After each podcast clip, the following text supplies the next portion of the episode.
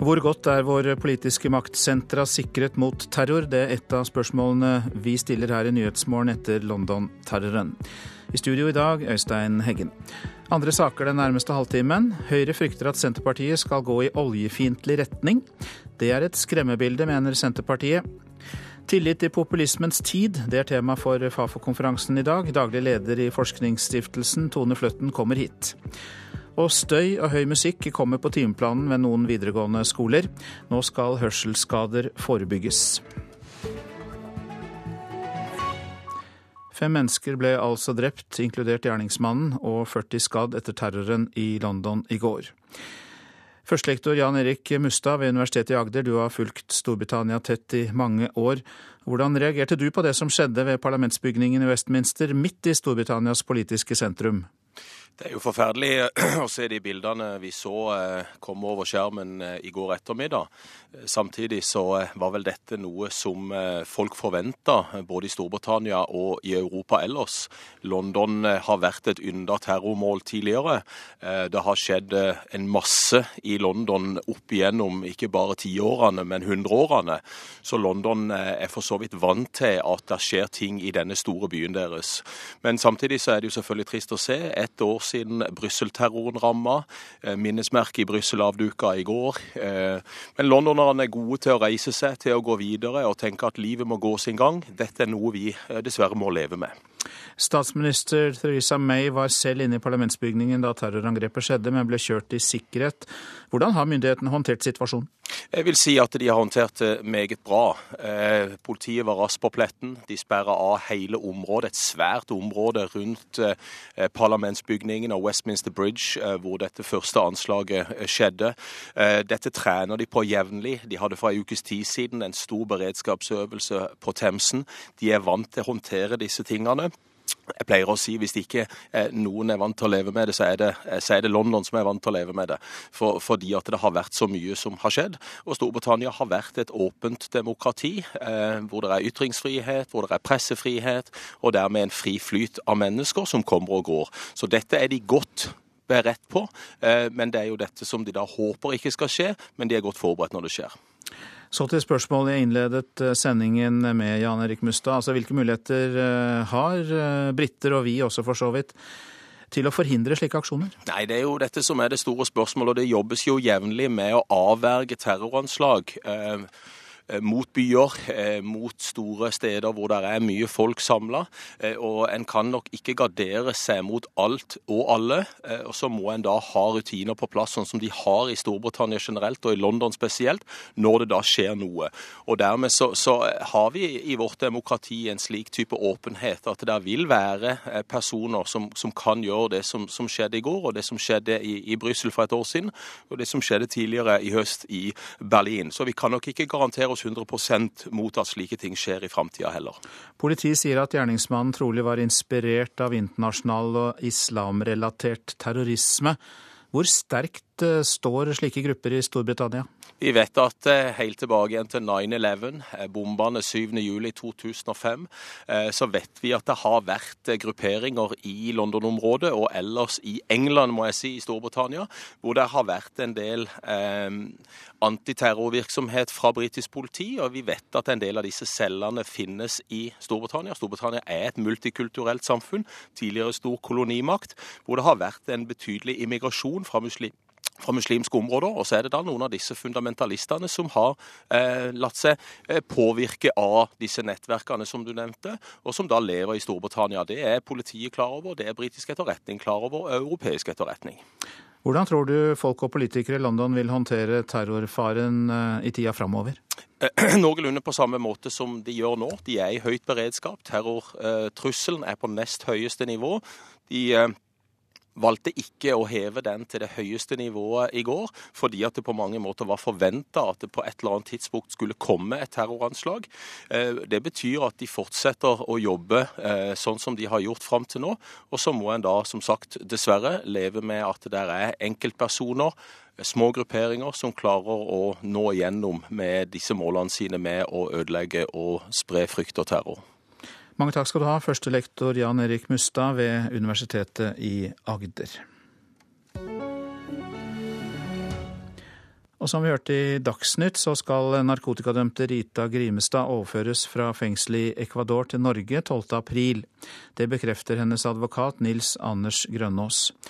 Den 53 år gamle kvinnen ble dømt til fengsel i ti år i Ecuador. Nå skal eh, norsk politi hente henne hjem til Norge, sier Grønås. Etter det jeg har fått eh, opplyst, så eh, vil hun være i Norge 12. april i år. Og Det vi har fått beskjed om, er at Politiets utlendingsenhet drar ned uh, tiende, for så å returnere med henne tolvte. Det eneste som da for så vidt gjenstår, som på en måte ikke er klarert, det er transitten i Nederland. Men, men den regner jeg med, uten at det kan være noe garantist for det, regner jeg med at går i orden til den tid. Grimestad ble pågrepet i Ecuador med tre kilo kokain i en koffert. Hun har forklart at hun ble bedt om å frakte kofferten fra en mann hun møtte via internett, og at hun ikke kjente til stoffet. Den 51 år gamle kvinna fra Marnardal ble dømt til ti års fengsel. Det er klart at For uh, både uh, min klient og familien så, er det klart at dette er en, uh, en påkjenning som har vart over flere år. og Det er en stor glede nå for, for alle de berørte at uh, hun nå kan komme hjem og, og forsone resten av sin straff her eh, hjemme i Norge under norske forhold. Familiens advokat Nils Anders Grønås sier det er en mulighet for at Grimstad kan slippes fri tidligere i Norge.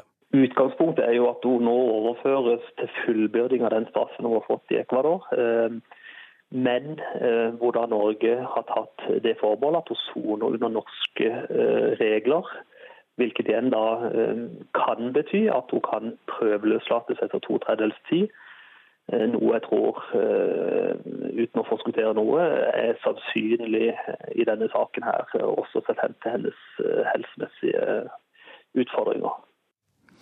Og det er altså narkotikadømte Rita Grimestad som blir overført til Norge. Vi hørte advokat Nils Anders Grønås, og reporter var Lars Eie. Senterpartiet kan bli et mer oljefiendtlig parti etter landsmøtet til helgen, mener Høyres energipolitiske talsperson Tina Bru. Ja, det er helt ubefryktet, uh, ubegrunnet frykt, svarer Senterpartiet selv, men så er ikke Bru overbevist over disse forsikringene. Ja, altså Jeg er egentlig bekymret for den eh, retningen det ligger an til at eh, Senterpartiet kan velge å ta på sitt landsmøte. Senterpartiet eser ut på meningsmålingene. Det gjør inntrykk, også på politiske motstandere. De ligger an til å kanskje havne i regjering hvis valget går deres vei. Da er det høyst relevant hva dette partiet mener om fremtiden til norsk olje- og gassnæring. Bru mener altså at Senterpartiet kan være i ferd med å skifte linje i olje- og gasspolitikken. Feil, svarer Senterpartiets energipolitiske talsperson Marit Arnstad. Nei, Det er jo ikke annet å forvente enn at Høyre leter med lys og lyktighet og prøver å angripe oss på noen punkt, og det må de gjerne få lov å gjøre. Men uh, det her punktet her tror jeg de skaper ubegrunna frykt for at du skal få noe endring i de lange linjene i norsk oljepolitikk.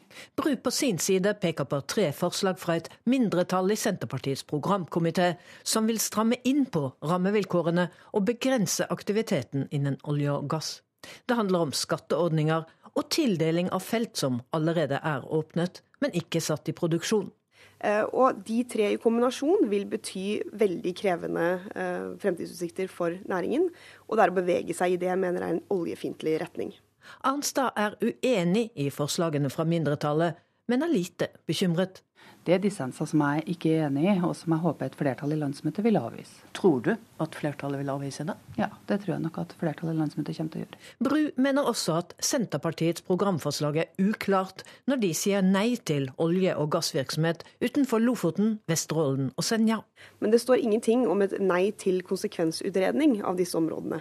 Hun spør om det betyr at partiet likevel har en åpning for konsekvensutredning. Når Ola Borten Moe, som er tidligere olje- og energiminister, har ledet programarbeidet, så er han nok ganske bevisst over hvordan man formulerer seg. Og Derfor syns jeg det er relevant å stille dette spørsmålet. Nei, altså Det står at det ikke skal være noe aktivitet, og for oss så inkluderer det også konsekvensutredning. Eh, og jeg syns nok kanskje at Høyres mistenksomhet omkring det tenderer litt til sånn kremnologi. Reporter Katrin Hellesnes. Nå til det som er på forsidene av eh, avisene. Et drapstokt kjørte ned skolebarn, det er to stikkord fra forsidene i VG og Aftenposten om terroren som rammet Westminster-området i London i går. Jobbet dugnad på hytta til sjefen. Kokken ble slått på jobb. Det er stikkord fra en rapport om utnyttelse av polske arbeidere, som blir omtalt i Dagsavisen. Et fellestrekk var at eh, de jeg intervjuet opplevde å være i en sårbar og maktesløs situasjon, sier forskeren som har laget rapporten, Ada Engebretsen ved Høgskolen i Oslo og Akershus. Her er det de nye jobbene, skriver Dagbladet, som forteller oss i hvilke bransjer de nærmere 18 000 ledige jobbene er akkurat nå. Flest er det innenfor helse- og sosialområdet, bygg og anlegg og i undervisningssektoren. Arbeiderpartiet og Senterpartiet er enige om eh, jordbruk, skriver Nasjonen. Partiene har lagt fram en 20-punktsplan med bl.a. økt matproduksjon, reduksjon av inntektsforskjellene og eh, et solid importvern. 70-tallsfeministene Toril Skar og Gro Nylander vil ha mor lenger hjemme, og bekymrer seg over at man sender ettåringer i barnehagen. De mener at de har forskningen på sin side, skriver Vårt Land, men de møter eh, motbør fra Kristin Halvorsen og Anniken Huitfeldt. Regjeringen vil utnevne fylkesmenn i de nye regionene før sommeren, men Arbeiderpartiets Helga Pedersen kaller det panisk og arrogant. Hun sier til Klassekampen at dersom de vinner valget, kan det bli aktuelt å frata de nye fylkesmennene jobben. Hamstrer luksuseiendommer i Oslofjorden. Dagens Næringsliv skriver om Fredrik Halvorsen som er i ferd med å bruke en kvart milliard på fire boligkjøp på Snarøya. Halvorsen har bygd seg opp eh, gjennom et videokonferanseselskap, og har hatt lederjobber for reder og riggmilliardær John Fredriksen. Nordlys forteller om en sju års kamp mot eiendomsskatt i Tromsø. Magnor Sigvald Lorentzen mente skatten var beregnet feil, bl.a. var deler av tomta dekket av sjø, og det skal man ikke betale eiendomsskatt for. Men gjennom flere år fikk han ikke svar på sine brev fra kommunen, og måtte til slutt bruke advokat for å få gjennomslag. Trøndelag skal samles i én transportapp, skriver Adresseavisen. All offentlig kommunikasjon på vei, jernbane og sjø skal samles på ett sted. Det håper i hvert fall fylkesadministrasjonen. Og i går vant eh, Marit Bjørgen sin første sprintseier denne sesongen. Nå ser Bjørgen fram til en hvileperiode, før hun eh, skal trene sammen med dopingutstengte Therese Johaug. For hun skal hjelpe til når Johaug skal forberede seg til neste langrennssesong. Jo, jeg syns det gikk bra. Det var første finalen min i sprint i år. Og i minst da første seier, så er veldig fornøyd å avslutte med. Det sa Marit Bjørgen, som ikke hadde vært i en eneste sprintfinale før Kulåssprinten i går. Men under showsprinten i Sarpsborg, hvor bl.a. verdensmester Maiken Caspersen Falla også deltok, tok hun seg endelig helt til topps og vant foran Katja Wisnar og Amalie Haakonsen Os. Nå ser 37-åringen allerede frem mot OL-sesongen. Ja, nå blir det en liten pause, gjør det. Og så blir det å tenke gjennom hva man skal gjøre for noe frem mot OL. og Det blir jo OL som blir det største hovedmålet neste år. og Gjøre det beste for å være best mulig form da. Det blir kanskje ikke så veldig mye ulikt i forhold til fjor. I fjor så hadde jeg jo en del skader, så jeg kom litt sent i gang med ordentlige treninger. Men eh, kanskje det har vært positivt i forhold til at jeg er i en alder av 37. Også. Bjørgen ønsker også å trene sammen med venninne og dopingutestengte Therese Johaug når hun forbereder seg til neste sesong. Ja, det blir nok eh, fremover nå når vi starter opp igjen i mai. og Jeg er enda mer hjemme og, og kan se hverandre mer. Hvordan blir det å endelig få måte, bruke litt mer tid på, i lag og trene i lag? Jo, Det skal bli godt, det. Jeg har jo kunnet vært til stede som jeg hadde ønska å kunne vært, men at man har vært i sesong. Og, ja. Så det, det skal bli, bli, godt å få trene i lag med henne og ta, tatt vare på henne Therese. Og så pusher dere, dere jo hverandre litt ekstra, og det blir sikkert litt eh, bedre det òg? Ja, det gjør det. Så det er jo en eh, motivasjon for begge å, ja, å holde trykket på treninga. Marit Bjørgen intervjuet av Ida Høydalen. Dette er Nyhetsmorgen, og klokka passerte nettopp 6.47. Vi har disse hovedsakene. Politiet i London kobler angrepet i går til islamsk terror. Fem personer ble drept, inkludert gjerningsmannen, i dette terrorangrepet utenfor parlamentet. Rita Grimestad, som har vært fengslet for narkotikasmugling i Ecuador, overføres til Norge. Hun ble pågrepet i hovedstaden Quito for tre år siden. Senterpartiet kan bli mer oljefiendtlig parti etter landsmøtet til helgen, mener Høyres energipolitiske talsperson Tina Bru. Nei, det er en helt ubegrunnet frykt, svarer Senterpartiet.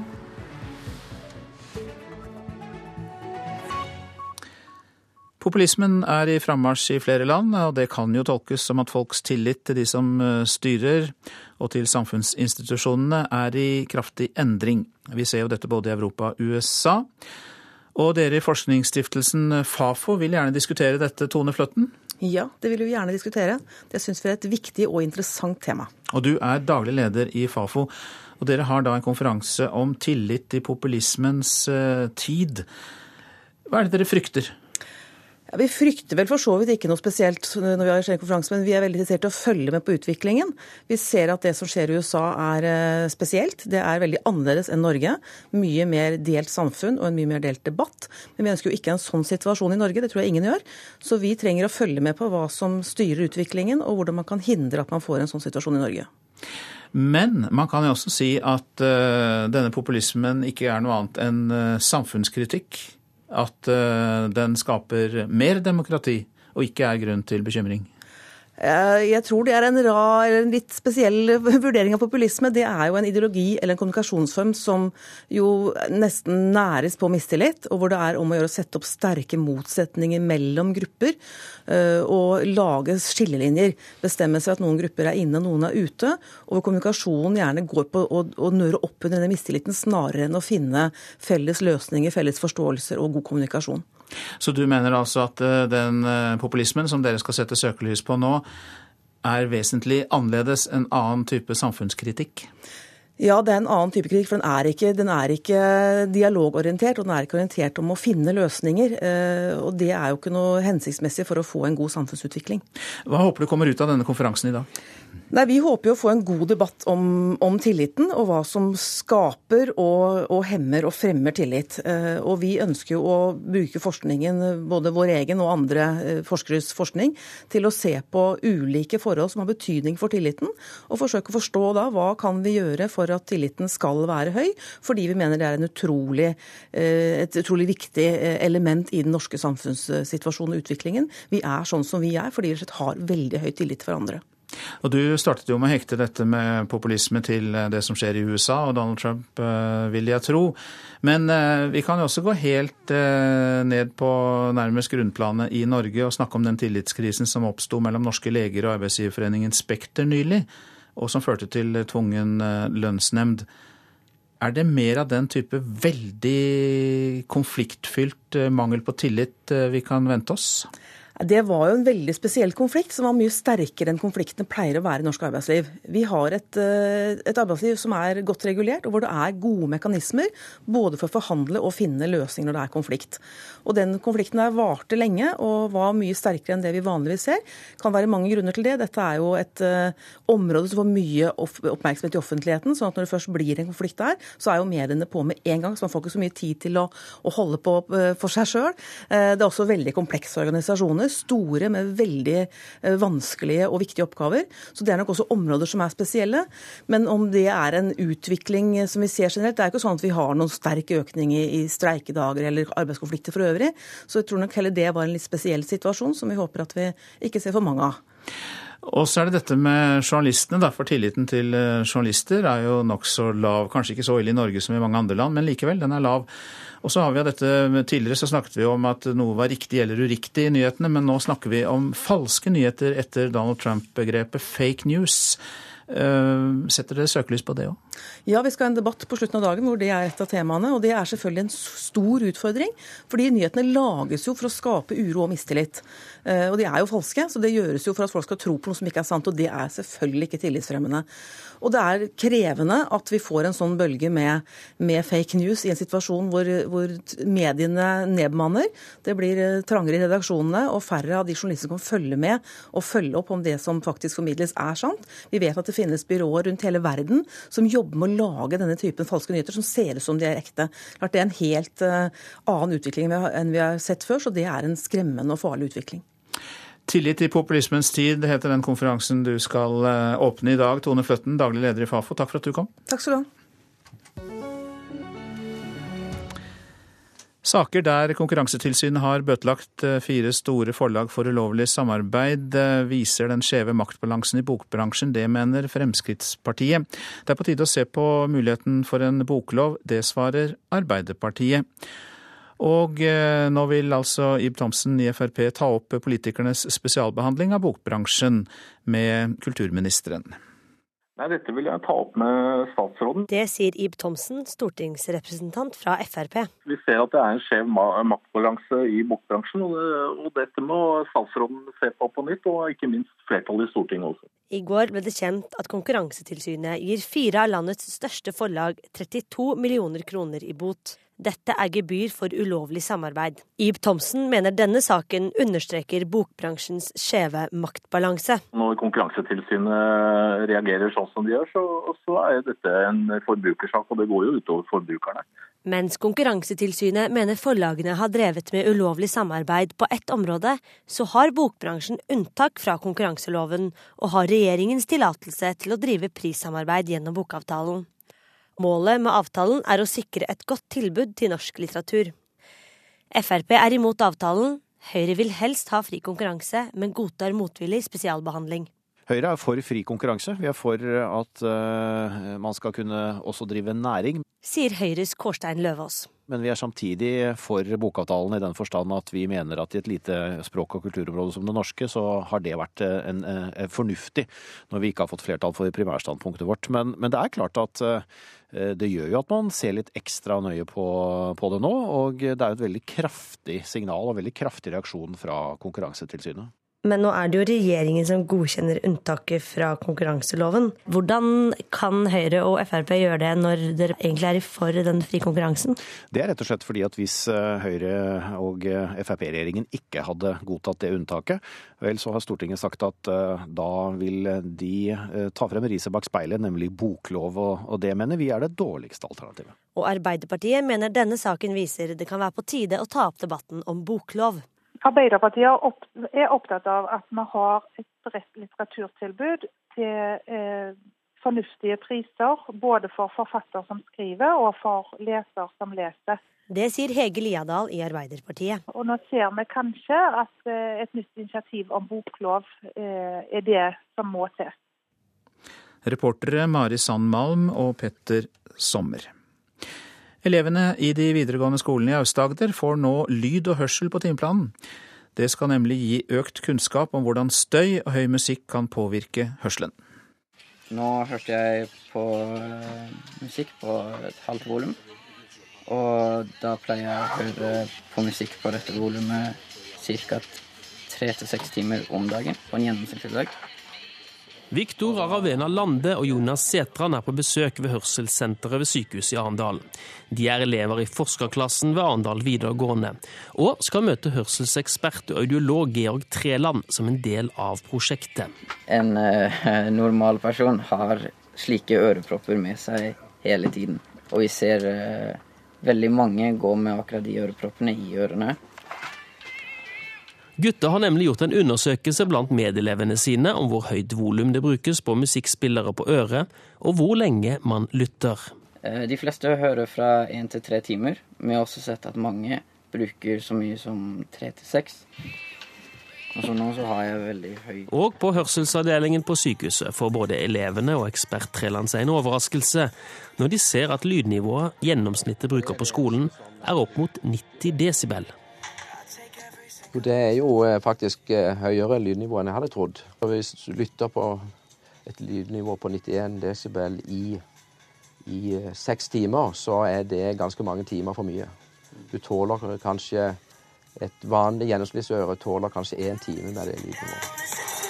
Alle elevene ved de videregående skolene i Aust-Agder får nå et undervisningsopplegg knyttet til lyd og støy, forteller ansvarlig Frank Beck i Agder bedriftshelsetjeneste.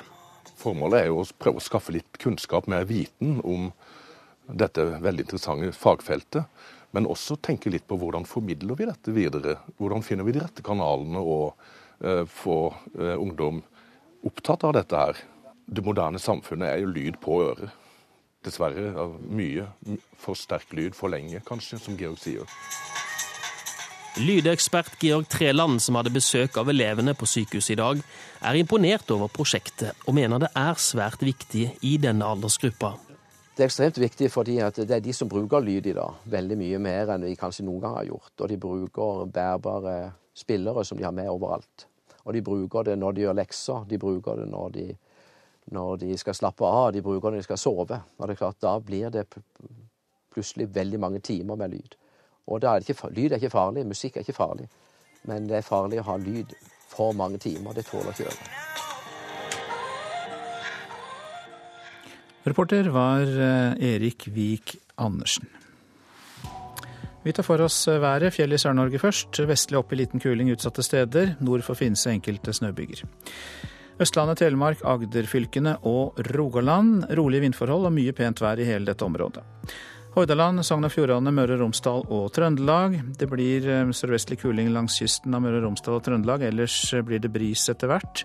Perioder med sluddbyger. Nordland, Troms og Vest-Finnmark. Vestlig kuling. I Troms kan det bli sterk kuling, og snøbyger blir det i dette området. Øst-Finnmark får også snøbyger. Fra ettermiddagen vestlig kuling der. Spitsbergen østlig frisk bris, men fra ettermiddagen kan det bli nordvestlig liten kuling. Perioder med snø. Og vi tar med oss temperaturene som ble målt klokka fire. Svalbard lufthavn minus ni, Kirkenes minus to, Vardø null, Alta minus fire, Tromsø-Langnes null. Bodø minus to, Brønnøysund pluss to, Trondheim-Værnes minus én, Molde null. Bergen-Flesland minus to, Stavanger minus én, Kristiansand-Kjevik minus fire, Gardermoen minus én. Lillehammer minus fire, Røros minus sju. Og Oslo-Blindern minus tre.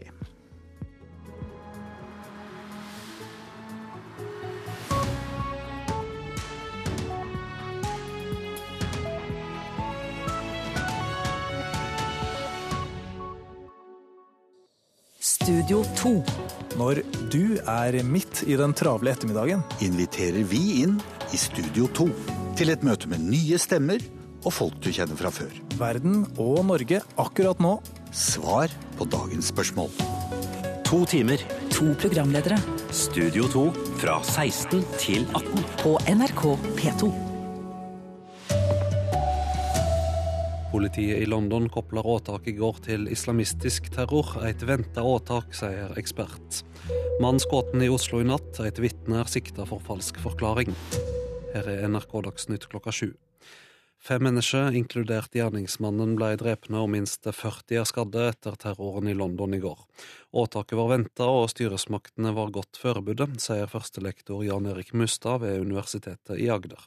Vi vet at eh, helt tilbake igjen til 9-11, eh, bombene 7.7.2005, eh, så vet vi at det har vært grupperinger i London-området og ellers i England, må jeg si, i Storbritannia, hvor det har vært en del eh, antiterrorvirksomhet fra britisk politi. Og vi vet at en del av disse cellene finnes i Storbritannia. Storbritannia er et multikulturelt samfunn, tidligere stor kolonimakt, hvor det har vært en betydelig immigrasjon fra muslimer fra muslimske områder. Og så er det da noen av disse fundamentalistene som har eh, latt seg eh, påvirke av disse nettverkene som du nevnte, og som da lever i Storbritannia. Det er politiet klar over, det er britisk etterretning klar over, og europeisk etterretning.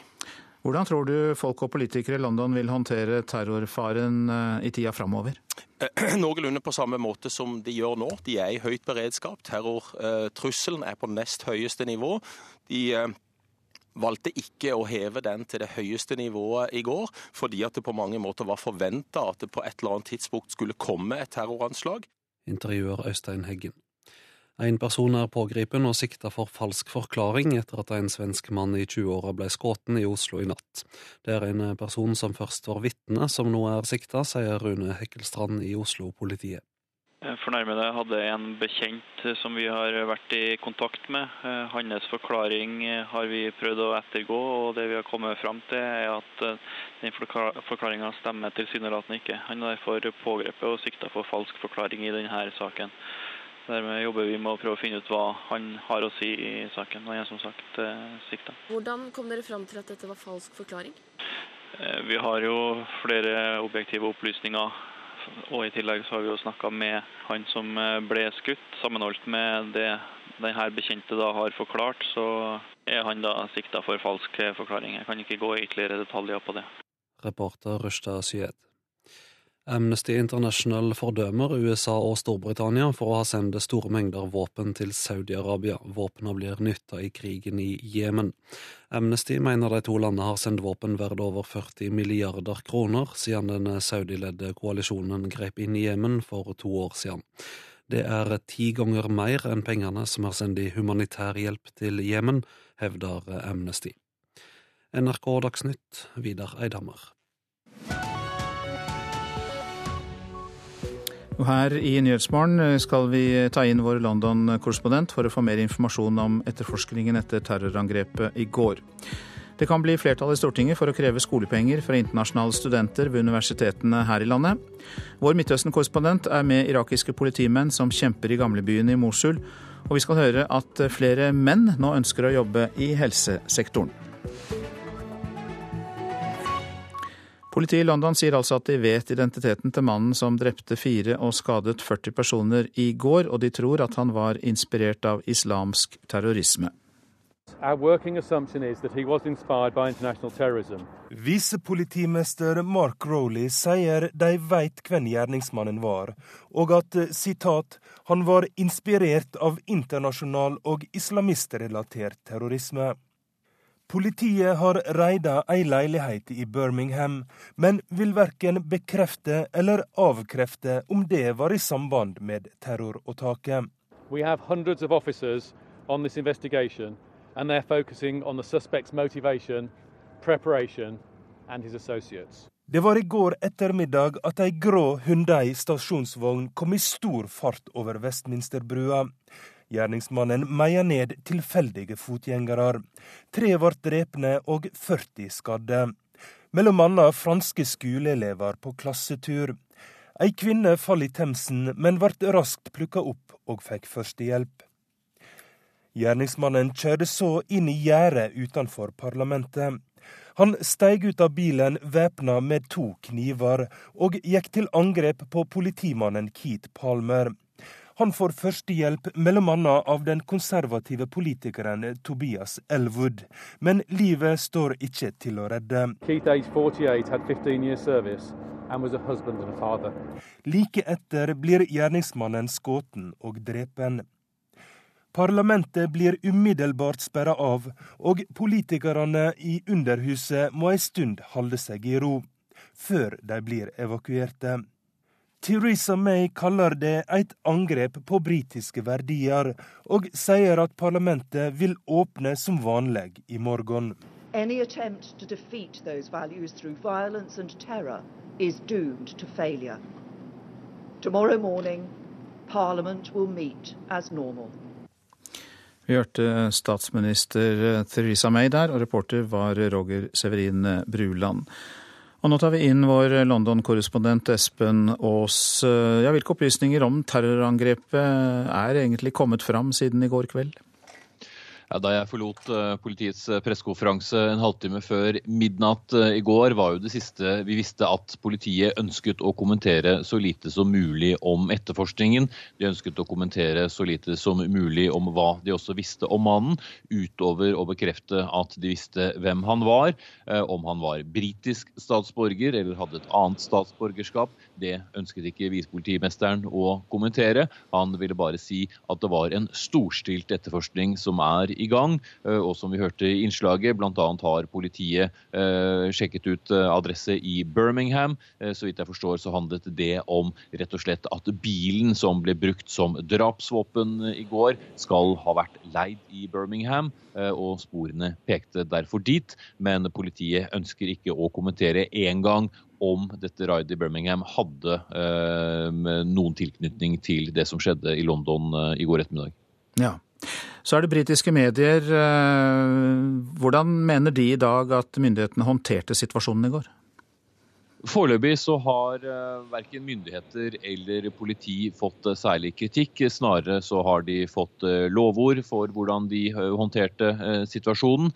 Likevel så er det jo et spørsmål om hvordan en mann kunne klare å gjøre det han gjorde i kanskje London og Storbritannias aller mest bevoktede område. Jeg spurte selv visepolitimesteren i går om han var overrasket over at terroristen, angrepsmannen, klarte å komme så nær parlamentet som det han gjorde. Til det svarte han meg veldig kort at vi klarte å stoppe ham ved porten. Noe mer enn det har jeg ikke å si om den saken. Eh, men etter hvert som eh, etterforskningen har kommet videre, så må også politiet gå gjennom egne rutiner der. Eh, mannen, politimannen unnskyld, som ble drept i går, han var jo også ubevæpnet, i motsetning til flere av de andre vaktene her rundt parlamentet. Noen har våpen, andre har ikke. Politiet sier at gjerningsmannen trolig var inspirert av internasjonal og islamrelatert terrorisme. Vet vi noe mer om ham? Politiet svarte kun kort også der på spørsmål i går, og bekreftet at de arbeidet ut fra en hypotese om at han var nettopp inspirert. Først sa han av internasjonal terrorisme, så spurte vi på nytt, og da sa han med det mente han islamistisk Eh, terrorisme. Eh, det handler vel vel så mye om måten han utførte ugjerningen på, eh, med bilen som, som drapsvåpen, med bilen som rambukk inn i folkemengden hvor uskyldige mennesker var etterforskningen vise, eh, kanskje gjerne gjennom elektroniske spor og annet, hvorvidt han var direkte tilknyttet noe, eller om dette eh, rett og slett handlet om eh, ren eh, inspirasjon. Eh, politiet var også opptatt av at folk eh, på ytre høyre kunne finne på å utnytte denne situasjonen, og politiet var også klar over at flere av de muslimske miljøene, som jo er store, ikke minst her i London, ville seg utrygge de nærmeste dagene dersom en slik uh, tilknytning kunne uh, påvises, men at han sa her må vi jobbe ut fra flere spor. Mange takk skal du ha, London-korrespondent Espen Aas. Det kan bli flertall i Stortinget for å kreve skolepenger fra internasjonale studenter. Senterpartiet skal behandle saken på sitt landsmøte til helgen og det ligger an til en jevn kamp der. Jeg skulle egentlig studere i England, og så koster det veldig mye penger. Og så kom jeg inn i Oslo, så valgte jeg Oslo isteden. Ville du ha studert her om det ikke var gratis? Det spørsmålet kommer an på hvor man kommer fra, selvfølgelig. F.eks. meg, så hadde det ikke vært mulighet, rett og slett. Fordi jeg kommer fra Sør-Amerika, og så hadde det ikke vært så lett å kunne, å kunne betale for det. Internasjonale studenter vi traff på Blindern er glad for at det er gratis å studere i Norge. Men det ønsker programkomiteen i Senterpartiet å endre. Akademikernes leder Kari Sollien frykter konsekvensene. Ja, jeg er usikker på om eh, Senterpartiet skjønner helt hva de foreslår her. Ved å innføre betaling for internasjonale studenter, så setter de eh, hele gratisprinsippet på spill. De åpner døra for skolepenger og for norske studenter på sikt. Vi tenker at det kan gi en todeling av utdanningssystemet, der det avgjørende blir om du er fra en familie som har penger eller ikke. Hun får støtte fra Senterungdommens leder Ada Arnstad, som vil forsøke å stanse vedtaket på helgas landsmøte. Det grunnleggende for gratisprinsippet er nettopp det at det er ikke hva foreldrene dine tjener som avgjør om du skal få ta høyere utdannelse, det er dine evner. Og Det er det gratisprinsippet står for i Norge, og vi mener at det bør òg stå i verdenssamfunnet med de studentene vi får til Norge. Høyre-Frp-regjeringa har forsøkt å få skolepenger for internasjonale studenter inn i statsbudsjettet, men støttepartiene har satt foten ned. Stortingskandidat Atle Simonsen fra Rogaland Frp håper at både Senterpartiet og Frp går inn for forslaget på årets landsmøter. Da vil det bli flertall på Stortinget. Jeg mener det er bare rett og rimelig at så lenge norske studenter må betale for å studere i utlandet, i f.eks. USA, så bør de òg betale for å studere her. Og nå er det sånn at Norge er det eneste landet igjen i Norden som tilbyr gratis utdanning til studenter utenfor EØS. Eh, og vi vil at internasjonale studenter skal velge Norge pga. kvalitet, ikke pga. at det, vi er det eneste landet som er gratis. Men det tror ikke Arnstad i Senterungdommen blir et problem. Det å komme til Norge for å studere, det handler om å konkurrere om karakterkrav. Så jeg tror ikke vi får noe latsabba hit. Vi får dyktige ungdommer som har gjort seg fortjent til plassen sin. Det syns jeg vi skal fortsette med i framtida òg. Hadde vært eh, like aktuelt for deg å studere i Norge dersom det var skolepenger her til lands også? Det spørs hvor mye det var. Jeg kunne tenke meg egentlig å betale, fordi det er en veldig bra skole her. Men uh, om det var like mye som det var i England, så jeg hadde sikkert valgt England. da. Reportere Hans Cosson Eide og Andreas uh, Trygstad. Ole Kristian Bratseth, velkommen til deg. President i ANSA, Organisasjonen for norske studenter i utlandet. Hva syns du om dette, om det kan bli flertall for skolepenger? Jeg syns det er en uh, negativ trend. Det er en utvikling som vi har sett over en periode hvor det har vært foreslått, men blitt uh, slått ned på tidligere. Så jeg håper at uh, Senterpartiet hører på Senterungdommen og tar til fornuften i helga. Men det er jo rettferdig når vi hører her at norske studenter må betale skolepenger de aller fleste steder ute? Ja, men altså det, det, sies at alle andre gjør det, og da burde nordmenn gjøre det. Det er en urett man opplever i utlandet, og da synes jeg at det er helt feil måte å rette opp i det ved å innføre samme urett uh, her hjemme. Det tror jeg mange kan være enig med deg i, men så spørs det om eh, norske skattebetalere er enig i at Norge skal eh, bruke så mye penger på utenlandske studenter. Men jeg tror norske skattebetalere er enig i at vi skal bruke penger på å sørge for at vi har en utdanning i Norge av høy kvalitet. Og den stortingsmeldingen som kom for ikke så veldig lenge siden for kvalitet i høyere utdanning, konkluderte jo nettopp med at internasjonalisering er en forutsetning for kvalitet i høyere utdanning. Og da syns jeg at vi skal beholde et av de fremste konkurransefortrinnene våre for å tiltrekke oss dyktige og internasjonale studenter fra verden over. Da vil jeg ha litt flere argumenter fra deg for at eh, dette lønner seg for det norske samfunnet. Ja, altså Du skaper et helt annet miljø på studiene når du har en internasjonal, eh, en internasjonal studentgruppe der som eh, tilfører helt andre syn og verdier enn man kanskje alle har i Norge, som gjør at du, du skaper en, en, større bredde. da. Og Vi så jo når Sverige innførte skolepenger for internasjonale studenter, at de fikk en nedgang på 70% så den risken syns jeg ikke vi har råd til å ta. Dere vil jo at det skal være gratis å utdanne seg overalt, men eh, er det ikke bare Tyskland og Norge nærmest som står igjen som eh, gratisland? Ja, det er, eh, begynner å bli færre av oss som står igjen. så Derfor er det desto viktigere synes jeg, at Norge kan forbli den bautaen som vi er i dag, da, for, å, for, å, promotere gratis utdanning uh, verden over, egentlig. Det er jo den svaret på den utviklinga hvor flere og flere land tar skolepenger, og enda høyere skolepenger enn tidligere også, kan ikke være at vi slenger oss på den samme trenden. Jeg syns Norge må ta ansvar og stå fram for det at utdanning skal være gratis og tilgjengelig for alle. Dere har et klart standpunkt i ANSA, det hører jeg, Ole Kristian Bratseth. Eh, til slutt, eh, hva skal dere gjøre med dette? Skal dere lobbe overfor politikerne? Ja, Vi kommer til å si helt klart fra hva vi mener eh, ved alle anledninger. Takk skal du ha for at du kom hit, og Lilla Sølesvik er kommet til studio. For det blir nemlig debatt om skolepenger og utenlandske studenter i Politisk kvarter. Ja, Bratseth sier her at han håper Senterungdommen overbeviser Senterpartiet. De skal i hvert fall prøve hos oss. Senterungdommen møter Ola Borten Moe, som leder programkomiteen. Men vi skal også ha en annen debatt som det er uenighet om i Senterpartiet. Ola Borten Moe han vil redusere støtten til de feiteste og dyreste elbilene, og da snakker vi om Tesla igjen. Vi vet, vi vet at de som eier Tesla tjener over en million i snitt, og man skulle jo tro at SV vil være mer enn klare for å stanse alle overføringer til den gruppen, men nei. SV mener forslaget fra Ola Borten Moe er direkte distriktsfiendtlig.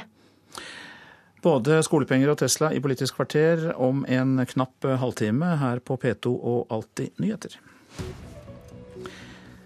Vi slår fast at klokka nærmer seg 7.16. Dette er hovedsaker. Politiet i London kobler angrepet i går til islamsk terror. Fem personer ble drept, inkludert gjerningsmannen, i angrepet utenfor parlamentet. Rita Grimstad, som har vært fengslet for narkotikasmugling i Ecuador, overføres til Norge. Hun ble pågrepet i hovedstaden Quito for tre år siden. Og vi har hørt at det kan bli flertall eh, på Stortinget for å kreve skolepenger fra utenlandske studenter som studerer i Norge. Eh, ANSA kjemper imot, som vi hører, og dette skal opp på Senterpartiets landsmøte.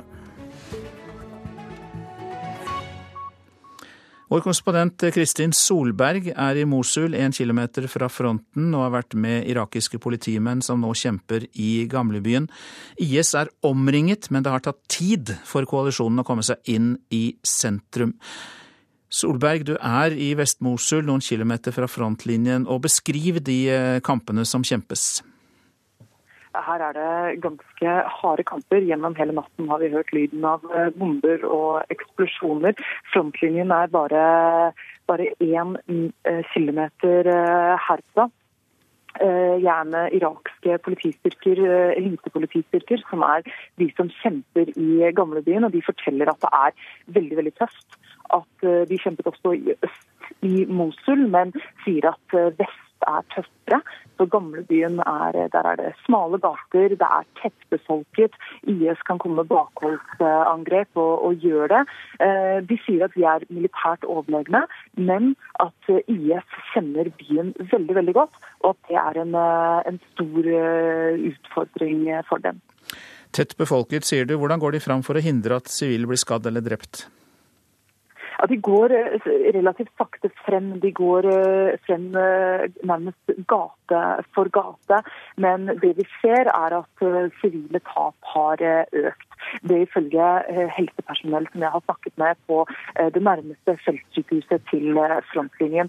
De sier at det er andelen sivile de får, tar imot nå, er høyere enn det det var i Øst-Mosul. Da var andelen ca. 50-50 soldater og sivile. Og her i vest så er den eh, altså høyere.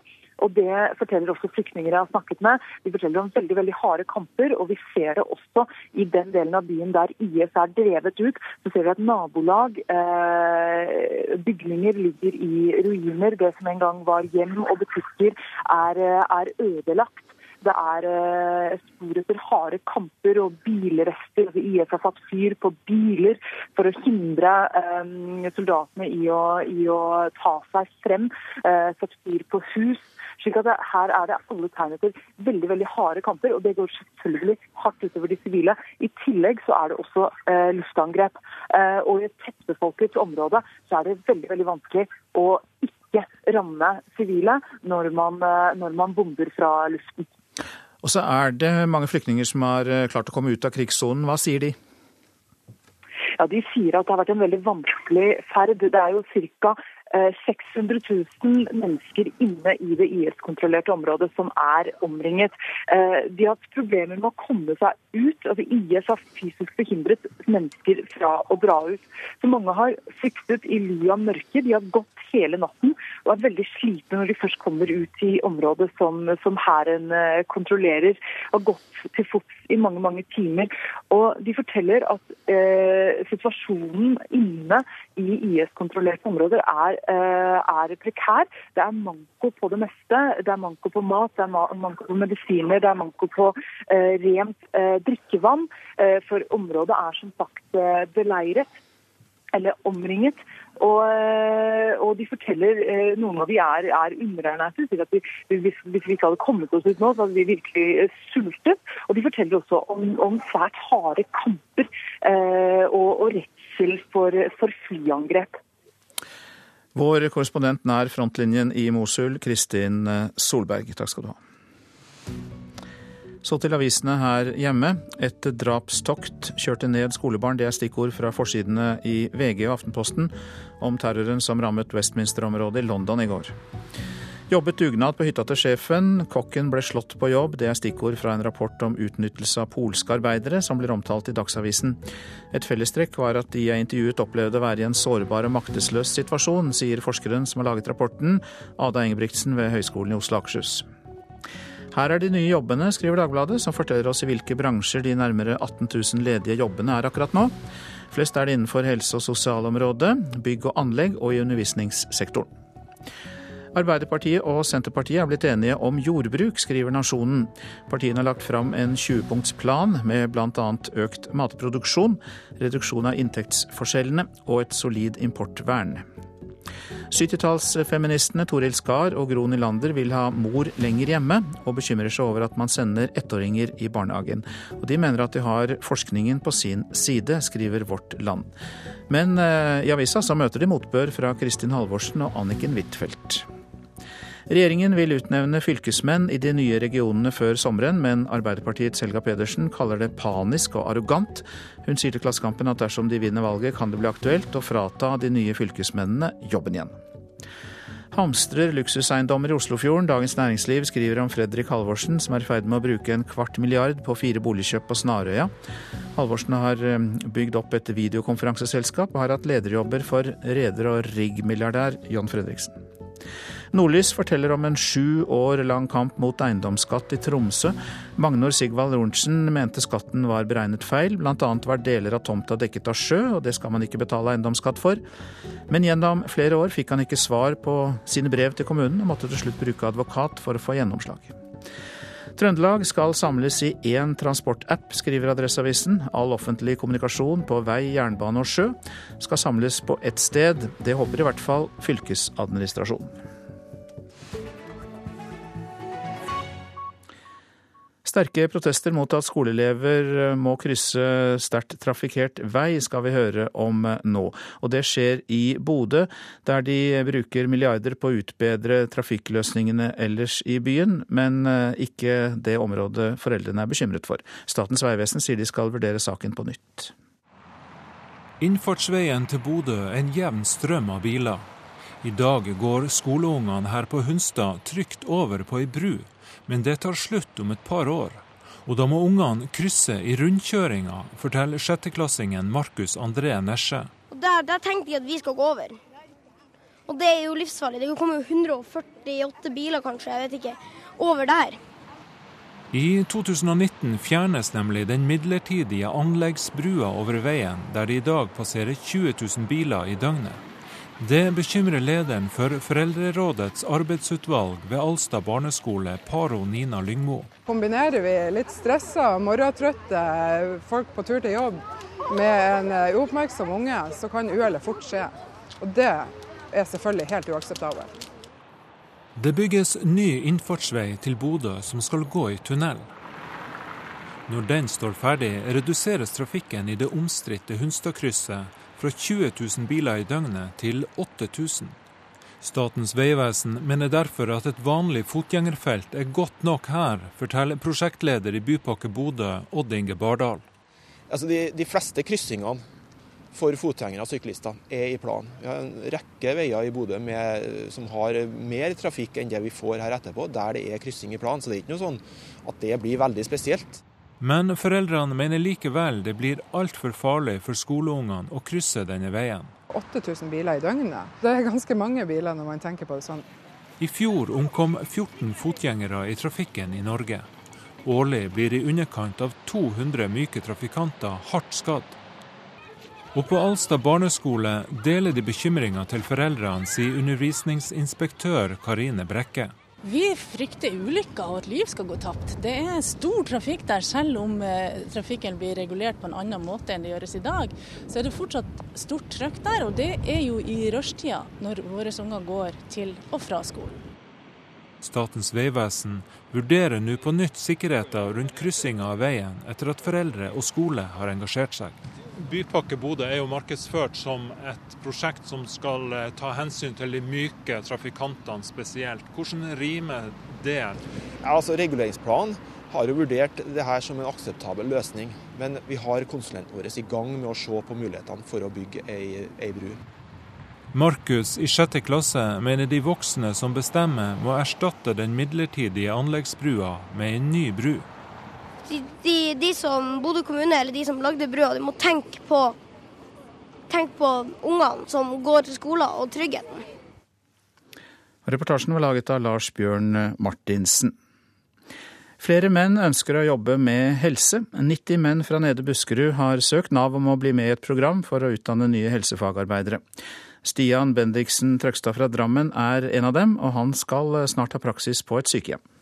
Jeg snubla over det litt sånn tilfeldig um, for en, uh, før jul i fjor, og søkte meg inn.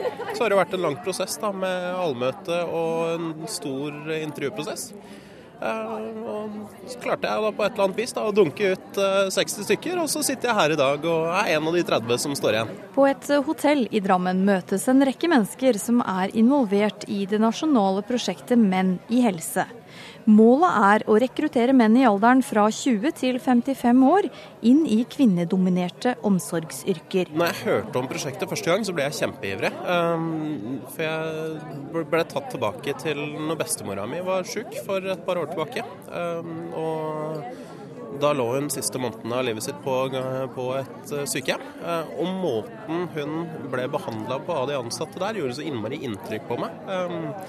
Hun, hun, hadde det tøft. Hun var nok en krevende pasient, tidvis. Og, men så ble hun møtt med en sånn enorm respekt og omsorg som var så nydelig å se på. Og når jeg hørte om det prosjektet, så tenkte jeg ok, der, nå har jeg faktisk muligheten til å til å gjøre det, til å være den omsorgspersonen som jeg så de var for henne. Og det har jeg fryktelig lyst til å være I Buskerud så er det fem kommuner som er med i dette prosjektet. Det er Øvre og Nedre Eiker, Drammen, Lier og Røyken og prosjektdeltakerne blir utplassert på forskjellige sykehjem. Eh, vi har stor, hatt stor oppslutning. Eh, over 90 menn ønska dette eh, programmet å komme i vurdering, og vi har gjort intervju av alle sammen. og etter vår utvelgelse og referansesjekk så står vi nå igjen med 30 menn som skal få prøve seg ut i praksis.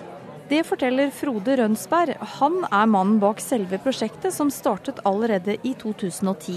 Eh, vi ønsker menn av to grunner. Det ene er et rent spørsmål om volum. Fordi vi ser at eh, bemanningsutfordringene som eh, vi står overfor i Norge, de er ganske dramatiske, og de blir verre for hvert år som går. Så vi trenger å rekruttere fra begge kjønn. I tillegg så ser vi at vi trenger et mer mangfold i rekrutteringa. Vi tenker på ingen måte at menn er bedre eller dårligere enn alle damer ute i eh, helsesektoren fra før, men til sammen så blir det en helt annen dynamikk og, en, eh, og et mangfold som eh, gir våre kjære brukere de, de tjenestene og, og, kvaliteten de, de trenger. Kristoffer Alexander Solheim, som er bosatt i Drammen, er en av de som nå er med som hjelper i prosjektet. Selv er han halvveis i løpet. Dvs. Si at han har ett år med praksis igjen, før han kan kalle seg helsefagarbeider. Det er veldig For meg det, betyr det mye å kunne gjøre en jobb som betyr noe og utgjør en forskjell. Eh, og det å sitte på et kontor og selge forsikringer til eldre mennesker som ikke trenger det. Det gir en litt råtten følelse når du drar hjem fra jobb. Eh, nå kan jeg dra hjem fra jobb med en god følelse. Og Reporter her var Ingunn Håkestad Bråten. Prosent for Nyhetsmorgen, det er Kari Bekken Larsen, og her i studio Øystein Heggen. I reportasjen etter Dagsnytt kan du høre om presidentvalget i Frankrike, der de tradisjonelle partiene sliter, og utfordrerne gjør det bra. Og om en times tid, i Nyhetsmorgen klokka halv ni, skal vi snakke med Norges ambassadør i London, Mona Juel, om terroren som rammet Westminster-området i går.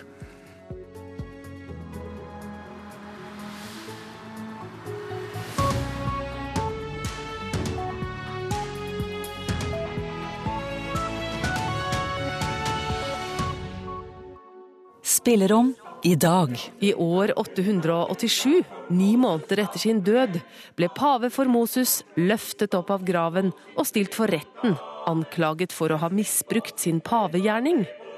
Ja, han ble begravet og gravet opp igjen hele seks ganger.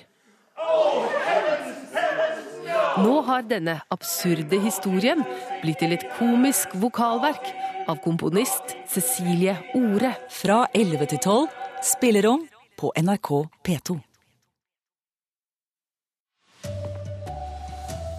London-politiet veit hvem gjerningsmannen i byen er, tror han var inspirert av islamistisk terror. Det kan bli flertall på Stortinget for å kreve inn penger fra utenlandske studenter. Og narkotikadømte norske kvinner i Ecuador blir sluppet fri og kommer hjem om tre uker. Her er NRK Dagsnytt klokka 7.30. Politiet i London sier de vet identiteten til mannen som tok livet av fire mennesker og skada 40 utenfor parlamentet i går. Mannen ble selv drepen av politiet, som tror han var inspirert av islamistisk terror. Folk springer i dekning.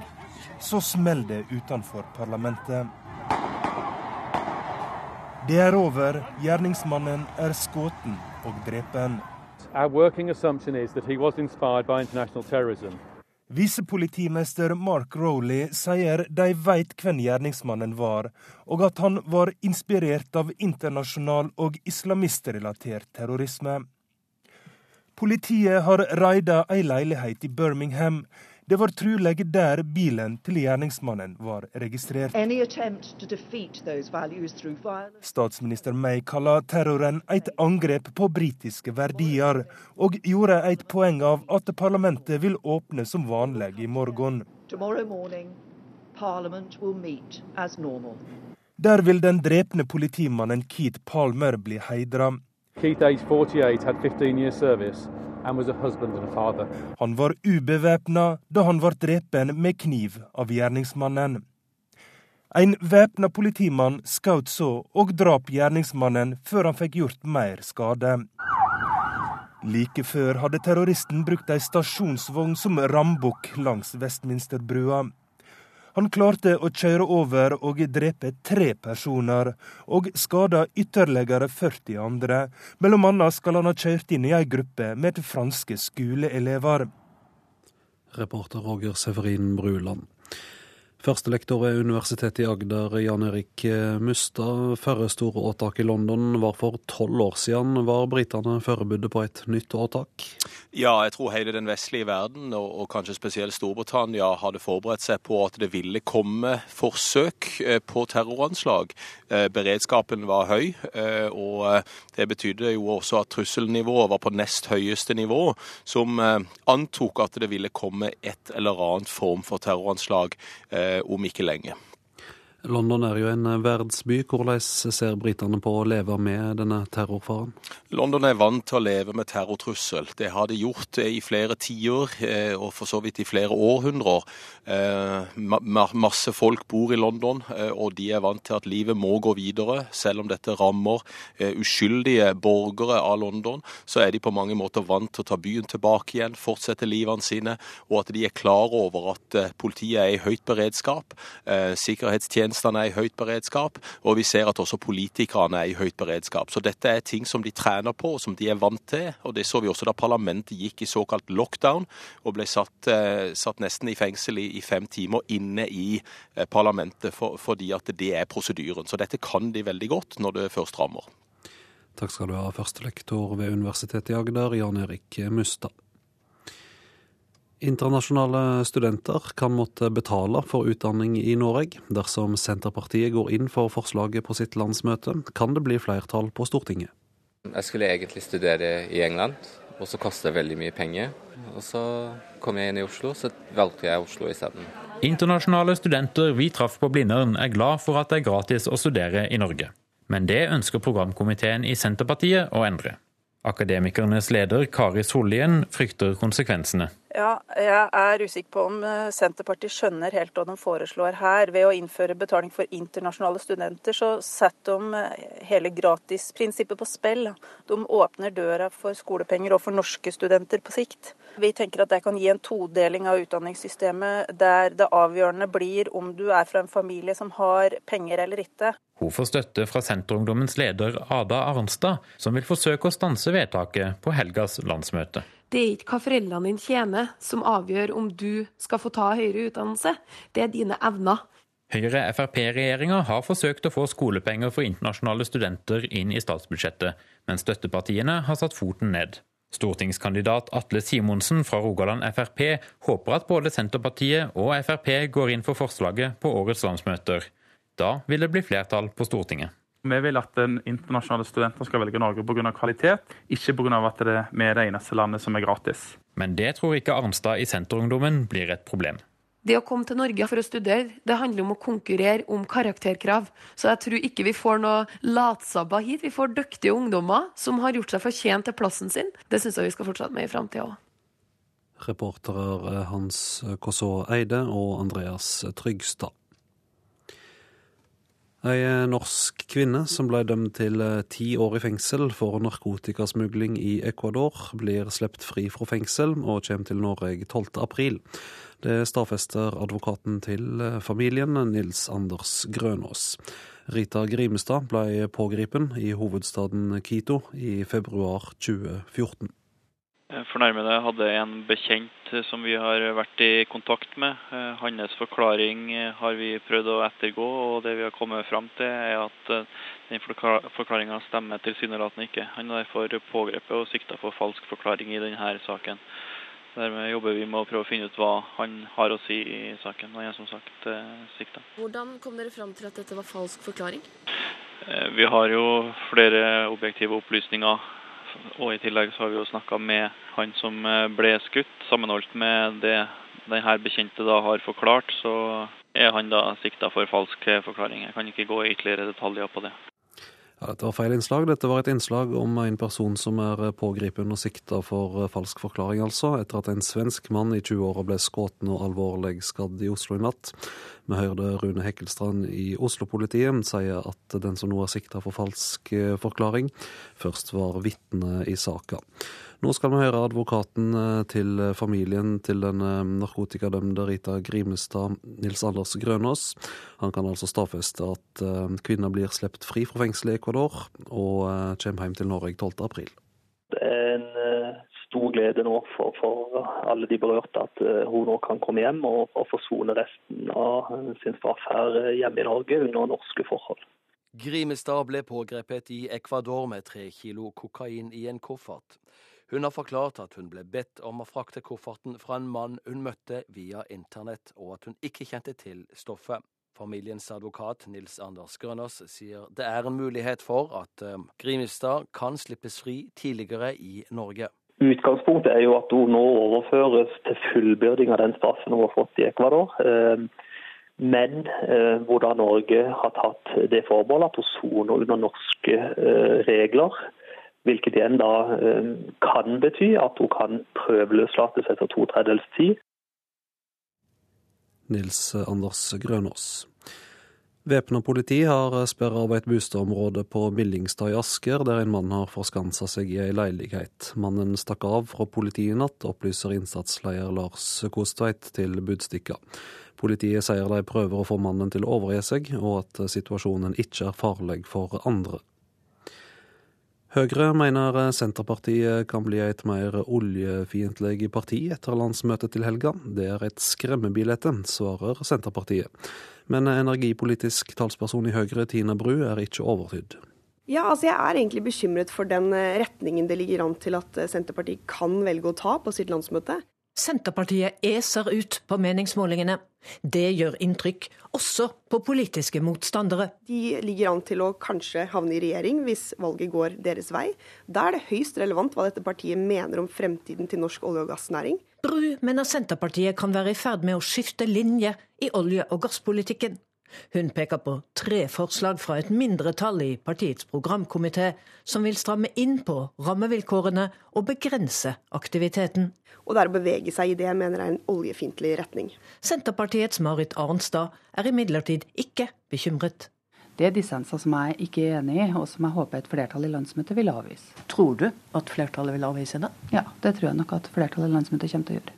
Bru mener også at Senterpartiets programforslag er uklart når de sier nei til olje- og gassvirksomhet utenfor Lofoten, Vesterålen og Senja. Men det står ingenting om et nei til konsekvensutredning av disse områdene. Hun spør om det betyr at partiet likevel har en åpning for konsekvensutredning. Nei, svarer Arnstad. Nei, altså Det står at det ikke skal være noe aktivitet. og For oss så inkluderer det også konsekvensutredning. Eh, og jeg syns nok kanskje at Høyres mistenksomhet omkring det tenderer litt til sånn kremnologi. Reporter Katrin Hellesnes. Ansvarlig for sendinga Anne Skårseth. Her i studio Vidar Eidhammer.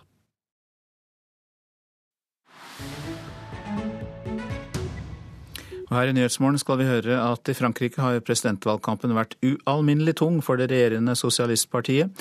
Partiet sitter med tidenes mest upopulære president, en eh, presidentkandidat som knapt slipper til på avisenes eh, forsider. Og i tillegg måtte innenriksministeren gå fra sin post denne uka. Men samtidig på høyresiden eh, må Francois Fillon stadig svare på nye beskyldninger om lovbrudd. Utenriksreporter Marit Kolberg følger den franske valgkampen. C'est pourquoi j'ai adressé au président de la République ma démission. Innenriksminister Bruno Leroux leverte inn oppsigelsen sin denne uka.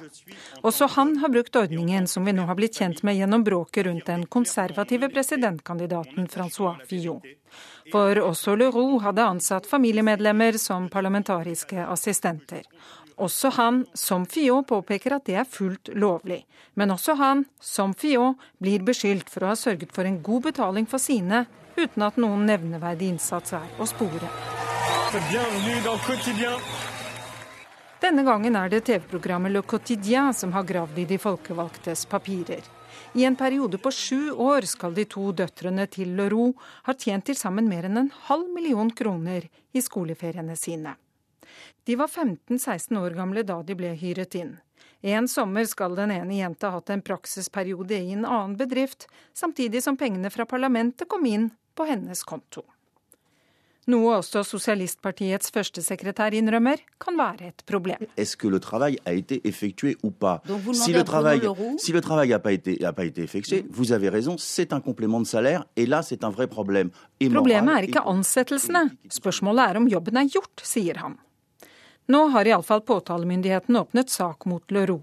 Ces contrats, conformes aux règles juridiques des services de l'Assemblée nationale, Selv om han sier at han ikke har gjort noe galt, trakk han seg altså denne uka og overlot ministerposten sin til Mathias Fekkel. Støtteerklæringene fra partikameratene varmet nok da ekteparet Fillot ble møtt med stående applaus etter at Penelope Gate var blitt et fenomen. Beskyldningene om at kona hadde mottatt lønn uten å gjøre noe som helst, ble starten på det monsieur Fillon har kalt en heksejakt. Nå har ekteparet levert timelister som de håper skal overbevise politiet om at hun virkelig har jobbet. Men det har foreløpig ikke gått deres vei, for nå har Økokrim utvidet siktelsen til å omfatte bedrageri og forfalskning. Det melder det franske nyhetsbyrået AFP, som siterer en kilde i rettsvesenet.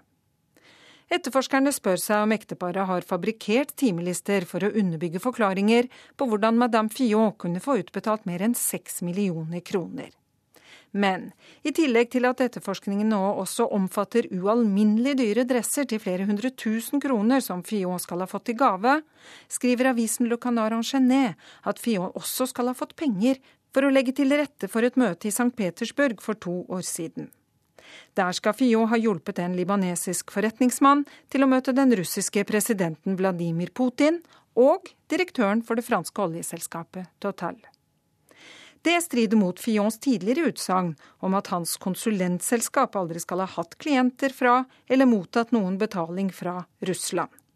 Og russerne kaller dette falske nyheter, mens Fions kampanjekoordinator ber journalistene være så snille og ikke lage såpeopera av valgkampen. Uansett, beskyldninger om at han kan ha løyet, gjør det nok en gang vanskelig for Francois Fillon å få konsentrere seg om den videre valgkampen. Og mens han halter videre, sliter altså Sosialistpartiet med sitt. Og dette er hovedsaker i Nyhetsmorgen. London-politiet vet hvem gjerningsmannen i London var, og de tror han var inspirert av islamistisk terror. Det kan bli flertall på Stortinget for å kreve inn penger for utenlandske studenter. Senterpartiet skal behandle saken på sitt landsmøte til helgen, og det ligger an til en jevn kamp. Rita Grimstad, som har vært fengslet for narkotikasmugling i Ecuador, overføres til Norge. Hun ble pågrepet i hovedstaden Quito for tre år siden. I Oslo er en person pågrepet og siktet for falsk forklaring etter at en svensk mann i 20-åra ble beskutt og alvorlig skadd i natt. Den siktede var først vitne i saken, opplyser politiet. Klokka nærmer seg kvart på åtte, det betyr at det er Politisk kvarter i dag ved Lilla Sørlusvik.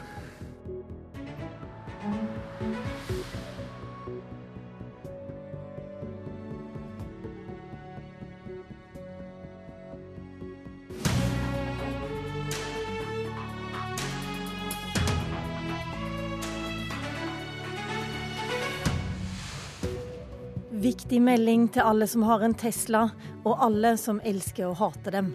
Senterpartiet vil ha slutt på at staten subsidierer luksusforbruket til de rikeste. I så fall er elbilen død i distriktene, mener SV. Og Ola Borten Moe mener utenlandske studenter bør begynne å betale for seg. Det vil ikke Senterungdommen. I morgen starter Senterpartiets landsmøte, og for første gang på 25 år er partiet større enn Frp på en måling i DN i dag. Målingen gir solid rød-grønt flertall, og det betyr at den som tenker å kjøpe seg en Tesla, bør skynde seg, for de kan bli mye dyrere etter et regjeringsskifte. Ola Borten Moe, du leder programkomiteen i Senterpartiet. Hva er det som er mest feil med dagens ordning? Nei, Det mest eh, feil med dagens ordning det er at eh, støttebeløpet avhenger av hvor kostbar bilen er. Så Jo dyrere og større bil, jo mer penger støtter, eh, her, støtter norske skattebetalere og bilkjøpet med. Vi ønsker å ta bort den ordninga og erstatte med et flatt støttebeløp, som gjør det minst like rimelig som i dag å kjøpe en vanlig eller en normal elbil. Eh, og så for dem som ønsker seg store, tunge, eh, sterke eh, luksusbiler, finne seg i å betale for det, selv om de går på elektrisitet. Og hvor stort skal det støttebeløpet være? Nei, Det må vi komme tilbake til. Eh, for det handler litt om hvordan hele eh, bilavgiftssystemet er skrudd sammen. En, en eh, Kia Soul eller en Nissan Leaf skal ikke bli dyrere enn det den er i dag. Altså En vanlig elbil skal ikke koste mer enn det den gjør i dag. Heikki Holmås, du er miljøpolitisk talsmann i SV, og vi vet nå at en jevne Tesla-eier tjener om lag 1,1 millioner kroner i året. Mange av dem bor i ikke-sosialistiske områder i Asker og Bærum. Og da gjør det vel vondt langt inn i SV-sjela å gi så mye støtte til dem? Nei, jeg er ikke for at en elbil skal være mest mulig subsidiert eller billigst mulig. Men det viktige for meg det er at elbilen er billigere enn konkurrentene. Det at en e-Golf skal være billigere enn en Golf, og at en el-SUV skal være billigere enn en bensin-SUV. Og da må du enten ha lave avgifter på el-SUV-en som vi har i dag, eller så må du gjøre bensinsuvene mye mye dyrere. Og Jeg er åpen for å diskutere og øke prisen på bensinsuvene og luksusbilene hvis Senterpartiet er med på det. Problemet er at Senterpartiet har gjort det motsatte de siste årene og gått sammen med regjeringen om å kutte avgiftene på luksusbilene til Porsche, Audi og Mercedes med over 400 000 kroner. Det er kaksesubsidier for Senterpartiet, og det er ikke mulig å tolke Senterpartiet på noen annen måte da enn at det er helt greit å kjøre luksusbil så lenge han ikke går på el. Og det blir bakvendt for meg. Er det greit å kjøre luksusbil så lenge han ikke går på el, Ola Borten Moe? Nei, og jeg og Heikki har jo sittet og laga avgiftssystem sammen. og Det var jo under vår regjering at man for alvor begynte å vektlegge CO2-komponenten eh, i avgiftssystemet. Men, men forklar oss det, dette paradokset som han trekker opp, nemlig at du, du mener at man kan ikke subsidiere disse veldig dyre elbilene, men samtidig så blir, betyr vel det at disse eh, konkurrentene til Teslaen de blir, eh, de blir mer lukrative. Ja, la meg begynne i en annen ende. da. For de fleste av oss, av oss, er det sånn at hvis vi legger mellom 400 og 500 000 kroner i en bil, så er det eh, mye penger. Og det er en kostbar og det er en, eh, og det er en bra bil man får for den eh, summen. Eh, det er en vanlig familiebil eller en vanlig bil i norsk kontekst i dag. Den bilen som nå får klart mest statsstøtte, hvis du optimerer det, det er en eh, Tesla Model X som lett kan koste eh, en drøy million, kanskje opp mot 1,5 eh, million kroner. Og Det sier seg sjøl at det er en mye mer effektiv støtte måte å drive støtte på hvis man bruker de pengene på å støtte vanlige elbiler fremfor luksusforbruket til dem som har aller mest fra før, og i tillegg bor i by eller Oslo eller Bærum Asker, sånn som salgsstatistikken viser. Og så er jeg enig, og så er jeg enig med Heikki at vi gjerne kan se på uh, om det er en del av, uh, av SUV-ene eller de store bensinbilene med batteri, altså hybridbilene som kommer for godt ut av avgiftssystemet, men det er en annen diskusjon. Diskusjonen nå er hvordan vi skal få en mest mulig effektiv eh, støtte på eh, nye elbiler. Nei, målet er Ola Borten Moe, er å sørge for at elbilen blir den nye folkebilen. For det er sånn at bilkjøring og andre utslipp fra transportsektoren de står for omtrent en tredjedel av utslippene i Norge, og de må vi kutte. Og Jo raskere vi får elbilen til å bli den nye folkebilen, desto raskere så kutter vi de norske klimagassutslippene. Men det høres ut som dere begge to ønsker jo akkurat det. Jo, at det... elbilen skal bli lukrativ. Men, men det hør. du kaller Senterpartiets forslag, det er rett og slett distriktsvennlig Nei, fiendtlig. En, en, folkebil koster en million. Jo, men altså, det som er Poenget er jo at hvis du skal gjøre den konkurransedyktig, så må du se på hva er det som er det norske bilsalget i dag. Norske bilsalget i dag består av 50 eh, biler som er enten SUV-er, som er store biler, eller store familiebiler. Og de har ingen konkurrenter i elbilmarkedet hvis du fjerner subsidiene fra de store Teslaene, sånn som Ola Borten Moe foreslå. Og det er altså sånn at det er avgjørende å klare å ha konkurransedyktige elbiler i alle prisklasser. Og da vet vi det at de små bilene de passer bra i byene, mens familiebiler og SUV-er, skal vi ha det alternativet, så er du nødt for å ha større subsidier eh, til de. Og jeg syns at det blir distriktsfiendtlig av Ola Borten Moe hvis han vil gjøre de eneste bilene som har firehjulstrekk og rekkevidde til å være distriktsalternativer, vesentlig dyrere gjennom å øke avgiftene, sånn som han og programkomiteen foreslår. Så jeg håper Senterpartiet bestimmer, besinner seg og sørger for en elbilpolitikk for distriktene. Det høres ikke ut som noe du ønsker deg. noe distrikt distriktsfiendtlige tiltak, eh, Borten Moe? Jeg syns det er et absurd uh, argument. Uh, de fleste som bor i, i norske distrikt, tjener noe mindre enn det man gjør når man bor i by. Og det kommer aldri til å bli sånn at en bil, enten den er elektrisk eller ikke, til 1,5 million kroner, er noen ting som folk over hele Norge har råd til å kjøpe seg. Nei, men det er folk Hør nå. Alle folk som kjøper nye biler, de har god råd folk flest kjøper bruktbiler. Også brukte elbiler. Og skal du da få de brukte elbilene til en anstendig pris, så er du nødt for å ha nye elbiler til en skikkelig pris. Og det vi så, det var at i Danmark, der de hadde en elbilsatsing, så la de på avgiften med 25 eh, på, på kjøpsavgiften på, på nye elbiler, og da stupte salget av nye elbiler. Og jeg er livredd for at hvis Senterpartiet får gjennomslag for dette, så knuser det også det norske elbilsalget, i strid med det som er de målsettingene som Senterpartiet og SV er blitt enige om, nemlig at alle biler som selges etter 2025 er elbiler. Hvorfor skal en nordtrønder være interessert i å kjøpe seg en elbil, Bortmo? Altså, samfunnet bruker mellom 5 og 6 milliarder hvert eneste år på å støtte elbiler i Norge. Altså kjøp av elbiler. Det er en ren subsidie av privatbilisme. Men grunnen til at jeg stiller dette spørsmålet, er vel fordi at de pengene mest mulig effektivt? Små, ja, nettopp, disse ja. små bilene har jo ikke en sånn rekkevidde til at man når til Trondheim en gang eh, hvis man bor i, i Stjørdalen. Vel, nå, nå, kommer det jo eh, ny Opel Ampera. Litt, ganske liten golfstørrelse bil. Rekkevidde på mellom 45 og 50 mil, så vidt jeg vet. BMW har kommet med eh, rekkevidde på godt over 30 mil. Det skjer massevis som gjør at det er ikke lenger bare eh, Tesla som har lang eh, rekkevidde på bilene sine. Og uansett så kan det ikke være sånn at løsninga på klimautfordringene i Norge er at vi som eh, vi gjennom over skatteseddelen, alle av oss over skatteseddelen, skal sponse privatbilismen og luksusforbruket til dem av oss som har aller mest fra før, elbil eller ikke. Den eneste, den ene, Tesla har i dag den eneste store bilen som konkurrerer med det, den type bil som halvparten av nordmenn kjøper. Og Da er jo utfordringen min til deg, Ola Borten Moe. Hvis du ikke vil subsidiere, altså hvis du ikke vil ha lav avgift på de elbilene, som også gjør at BMW og Volkswagen kommer med de store bilmodellene sine til Norge i 2019 og i 2020, sånn som de har lovet, vil du da være med på å øke alle prisene på andre store fossilbiler, sånn at elbilen alltid er konkurransedyktig. For hvis du er enig om det, da klarer vi å rulle inn alle elbilene i den takten som vi trenger. Jeg syns vi skal ha et avgiftssystem som også gjenspeiler hvor mye bilene reelt sett forurenser. Det regner jeg med at eh, Heikki Holmås SV kan være enig med meg i. Og så mener jeg at vi over tid, når elbil er etablert i Norge og teknologien er godt tilgjengelig, så må vi selvsagt slutte å subsidiere eh, privatbilisme i Norge som klimatiltak. Ja, jeg fikk ikke et klart svar på om du var villig til å øke bilene på de andre. Så lenge prisene på de andre fossilbilene, og før, så lenge ikke det, så håper jeg at Senterpartiets landsmøte går inn for en politikk for elbiler i distriktene. Husk at Finnmark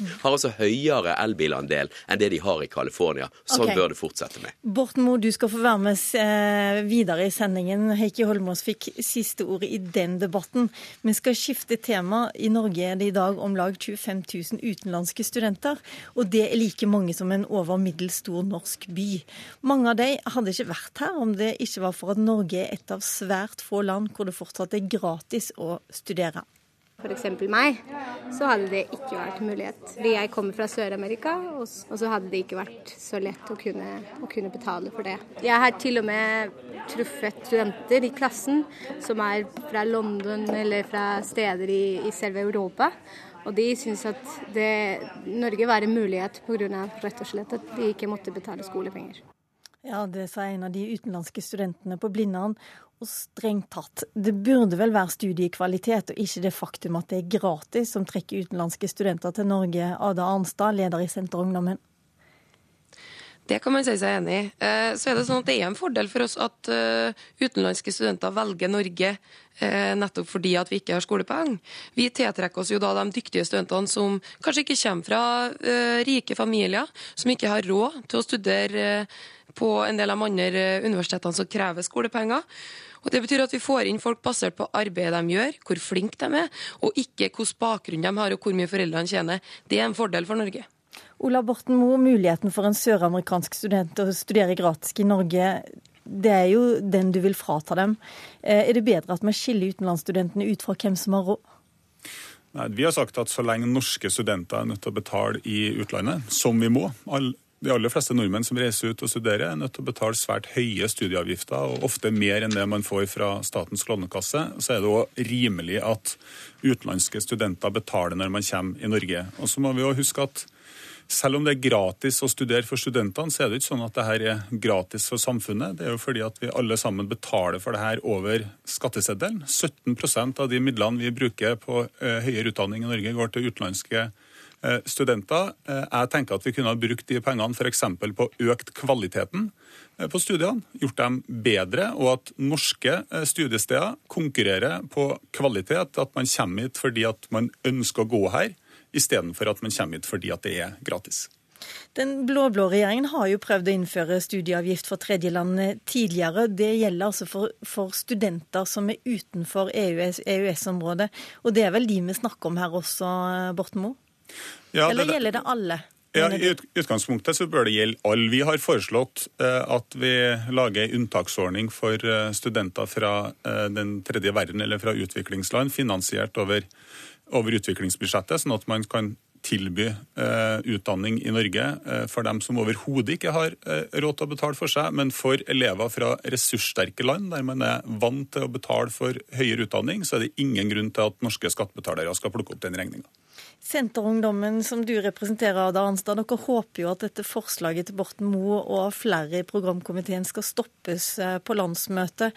Men hvorfor skal Norge være et av veldig få land nå som eh, fortsatt stiller med gratis forelesere for verdens studenter? Altså, Hva andre land gjør, det kan vi eh, påvirke særdeles lite. Men det vi kan eh, Vi har jo et valg, og det her er det som tjener norske interesser. Fordi vi trekker, tiltrekker oss studenter i et verdenssamfunn der det stort sett er en inngang, en betalingsmur, for å komme inn på høyere utdanning. Da tiltrekker vi oss folk ut fra hvor dyktige de er med, og vi tiltrekker oss folk uavhengig av hvor mye foreldrene tjener. Altså Hvis at du har dyktige studenter som ikke har råd til å gå på de eh, universitetene som krever skolepenger. Og så er det sånn i tillegg at hvis vi ser på nabolandene våre, Sverige og Finland, så er det jo ikke sånn at det her fører til at man sparer penger. Tvert imot, du flytter pengene fra å nettopp gå til utdanningsinstitusjonene og over til administrasjon, byråkrati og stipendordninger. Så det er jo ingen penger å spare her. Spørsmålet vi må stille Senterpartiet sitt landsmøte er vil vi bruke penger på et velfungerende prinsipp, eh, som gratisprinsippet er i dag, som gir oss fordeler i verdenssamfunnet, eller skal vi bruke penger på et mer byråkratisk administrativt system som er tungvint og som ikke gir noe gevinst? Hva sier du, Borten Ja, Vi har et prinsipp om gratis høyere utdanning i Norge eh, for folk eh, fra Norge, eller for oss som bor i Norge. Men det har aldri vært et prinsipp, og det kommer heller aldri til å bli et prinsipp at det som er gratis i Norge for nordmenn, er gratis, for, eh, alle, gratis og tilgjengelig for alle i resten av verden. Prinsippet er tvert imot at man er nødt til å bidra over skatteseddelen og gjennom verdiskaping for at fellesgoder som dette her skal være tilgjengelig. Men hva er viktigst Også, for deg nå? Er det viktigst å spare penger, eller er det viktigst å øke kvaliteten på andre ting? Ja, begge deler. Altså, det er svært store summer det er snakk om. Det er snakk om eh, eh opp mot fem milliarder Eh, kroner eh, hvert eneste år som går til dette eh, formålet. Jeg tror også at det kan være, det, det kan være vel verdt å merke til hva man gjør på Harvard og MIT. Det, altså det som har høyest kvalitet, og det som koster mest internasjonalt. Jeg må stoppe den debatten nå, men dere får mye tid til å debattere på Senterpartiets landsmøte, som starter i morgen. Trygve Slagsvold Vedum er gjest i Politisk kvarter i morgen. Da er det Bjørn Myklebust som sitter her. I dag var det Lilla Sølhusvik.